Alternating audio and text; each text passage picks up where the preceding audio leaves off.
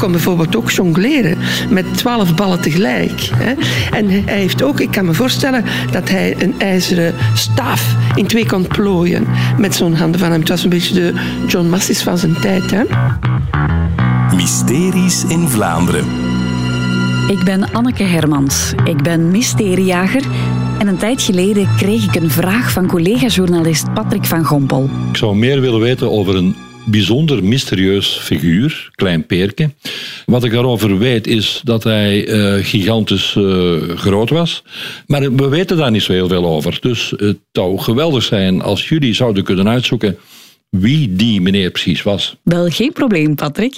Ik ben uh, eerst wat gaan zoeken op het internet. Klein Peerkes echte naam was Petrus van Gorp.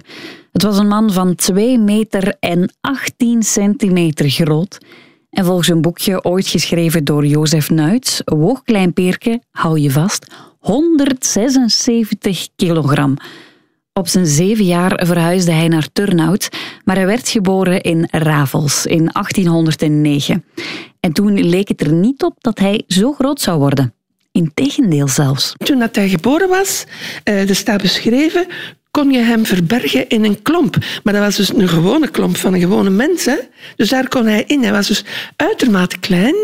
En we hebben een doopakte waar de datum 5 juni op staat. Zijn geboortedatum dan, dan ook. En dat zou erop kunnen wijzen dat inderdaad uh, dat ze vreesden dat hij zou sterven. En dat ze hem daarom meteen hebben laten dopen op de dag van zijn geboorte. Je hoorde Riet van Loo. Zij is museumgids in het Taxandria Museum. Daar staan trouwens ook de klompen van Klein Peerke. Bijzonder grote klompen, zeg maar. En in het erfgoeddepot staan gipsafdrukken van zijn handen. Die waren 22 centimeter lang en 16 centimeter breed. Ja, je kan je wel inbeelden dat Klein Peerke veel indruk maakte ook op eh, Nederlandse soldaten die de grens overstaken, vlak nadat België onafhankelijk was geworden. De Nederlanders waren daar niet zo gelukkig mee en die komen geregeld nog eens uh, België binnengevallen. Die komen dus op de kastelein terecht in het boerderijtje van uh, de familie van Klein Peerke. En die beginnen daar natuurlijk een beetje aan plunderwerk en die vallen dan de moeder van Klein Peerke wat lastig. Totdat Klein Peerke uit de stal komt die vier Hollanders, die bekijken naar de, die grote figuur, hebben alles uh, in de steek gelaten en hebben gewoon uh, hun biezen gepakt. Gewoon door de figuur van Klein Peerke. Je hoorde stadsgids Jip van der Selen. Het is een van de vele anekdotes die er over Klein Peerke zijn. Zo kon hij met één blote vuist een grenspaal los de grond inkloppen. Of hij kon een geladen ploeg van zo'n duizend kilogram gewoon vlotjes optillen. Geen probleem. Nu, ik vind dat straf. Want dat een man van 2 meter en 18 centimeter sterk is, ja, dat geloof ik zeker. Maar is het als mens mogelijk om 1000 kilogram van de grond te tillen? Ik vroeg het aan Peter Aarts van het departement Biologie van de Universiteit Antwerpen. Om dat te duiden ben ik even op het World Wide Web uh, gedoken en gekeken wat het wereldrecord deadlifting is. Deadlifting betekent dat je een brute massa gewoon van de grond uh, gaat tellen. En dat wereldrecord staat momenteel op 501 kilogram en is gerealiseerd door een sympathieke reus van ongeveer 2 meter en 6 die 146 kilogram weegt. Bon, Klein is groter dan onze deadlifting kampioen. Maar wil dat ook zeggen dat hij sterker is? Laten we eventjes een oefening maken waarbij we aannemen dat we de wereldrecordhouder van 2 meter en 6 opscalen, zoals we dat noemen, naar 2 meter 18. Maar dat we ook aannemen dat die in alle richtingen op dezelfde manier gaat groeien. Dat wil dus zeggen dat die er proportioneel identiek hetzelfde gaat uitzien. In dat geval, dus ik maak van de wereldkampioen iemand van 2 meter 18, gaat die man 561 kilogram kunnen optillen dus nog altijd redelijk ver verwijderd van die duizend uh, kilogram. Ja, duizend kilogram lijkt onwaarschijnlijk. Al weet je nooit natuurlijk. Hè?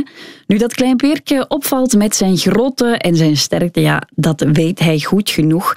Hij wil er dan ook een centje mee bij verdienen. En hij gaat werken op kermissen.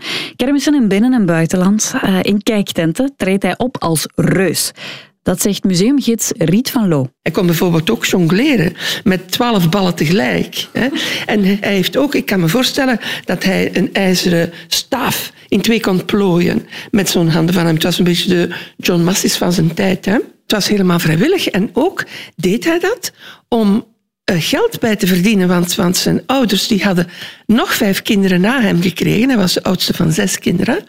En die anderen die waren eigenlijk normaal van groei. Maar Klein Perke, als, als hij begon te eten, kon hij 2,5 kilo vlees opeten.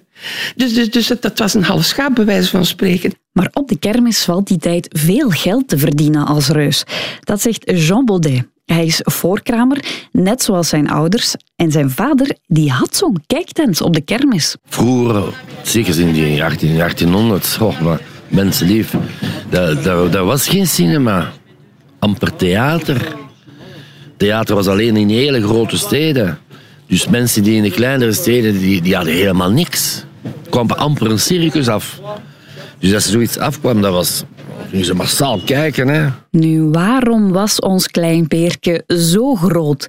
Want 2 meter 18 centimeter is enorm groot. En zeker voor een tijd waarin iedereen gemiddeld 1,60 meter groot was. Nu, volgens Joke Kuipers, zij is endocrinoloog in het ziekenhuis van Turnhout, had Klein Peerke waarschijnlijk een aandoening die acromegalie heet. Acromegalie is eigenlijk een aandoening van het groeihormoon. En een groeihormoon wordt gemaakt um, in een kliertje dat onderaan de hersenen bengelt. Dat is de hypofyse. En groeihormoon is eigenlijk bedoeld om als puber te groeien, uiteraard, maar blijft ook op volwassen leeftijd en zorgt dan voor spieropbouw en voor botopbouw. Nu, als de hypofyse, ja, als daar een goedaardige tumor bijvoorbeeld in zit die te veel groeihormoon maakt, ja, dan kan je eigenlijk ook reuzengroei krijgen. Als je de diagnose op kinderleeftijd krijgt, dan zijn de groeikraakbeenschijven nog niet gesloten. En dan gaan we zien dat die kinderen vooral in de lengte enorm snel gaan groeien. Als je die diagnose als volwassene krijgt, dan kan je niet meer in de lengte groeien, omdat de groeikraakbeenschijven gesloten zijn. En dan kan je alleen nog maar aan de uiteinden groeien. En in de praktijk wil dat zeggen dat je handen groter gaan worden. Die gaan ook dikker worden. Dus de mensen klagen dat ze een trouwring niet meer aankrijgen. Ja, mensen met acromegalie die sterven ook vaak aan hartfalen, omdat hun hartspier maar blijft groeien. Misschien is het daarom dat ons klein Peerke eigenlijk niet zo oud geworden is, hè? want hij was maar 33 jaar toen hij stierf. Klein Peerke is begraven op de begraafplaats van de Kwakkelstraat in Turnhout. En ik ben daar geweest, maar daar is geen graf meer te zien. Blijkbaar hebben ze de begraafplaats eind 1800 vernieuwd en is het graf van Klein Peerke weggehaald. Er hangt daar ook nergens een plaatje dat naar hem verwijst. Ook nergens anders in Turnhout trouwens. En ik moet zeggen, ik vind dat wel jammer. Hè? Zeker voor zo'n volksfiguur als Klein Peertje, die volgens de geschriften toch ook heel geliefd was. Dus ik ging langs bij Francis Stijnen. Hij is historicus en schepen in Turnhout.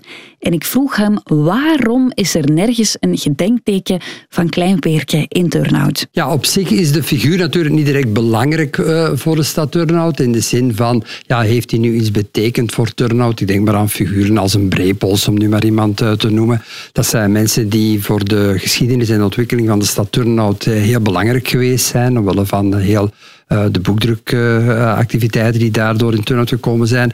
Uh, dat telt natuurlijk niet voor Klein Peerke. Dat was ook niet uh, direct de reus van Turnhout. Hè.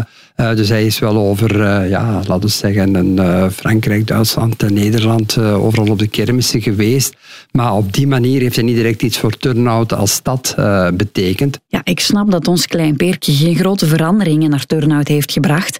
Maar het blijft natuurlijk een goed verhaal en hij blijft een gekend figuur daar moet toch iets mee te doen zijn? Ik denk wel dat het een, een gegeven is waar er wel iets meer mee te doen is. De klompen van Klein Peerke hebben wij gebruikt uh, in 2012 in het Alexandria Museum. Uh, maar waarom? Misschien kunnen we eens niet bekijken of er toch niet die klompen op een of andere manier ook ergens in het straatbeeld terecht kunnen komen als symboliek. Of uh, ik denk maar aan ja, waar de boerderij vroeger gestaan heeft van, van Klein Peerke kunnen we daar geen gedenkplaat maken met een beetje de uitleg over het verhaal of een wandeling uh, er rond doen. Uh, dus ik denk op dat vlak dat er zeker dingen mee te doen zijn. En als we misschien nog eens een lange straat hebben waar we naam verzoeken, dan moeten we dat mee in overweging nemen. Een lange Kleinperkenstraat, ja, het zou een mooi eerbetoon zijn voor een man van 2 meter en 18 centimeter, ja, die door die grootte niet altijd een makkelijk leven heeft gehad, maar wel overal enorm geliefd was. Het Kleinperke, de grote vriendelijke reus van de Kempen. Mysteries in Vlaanderen.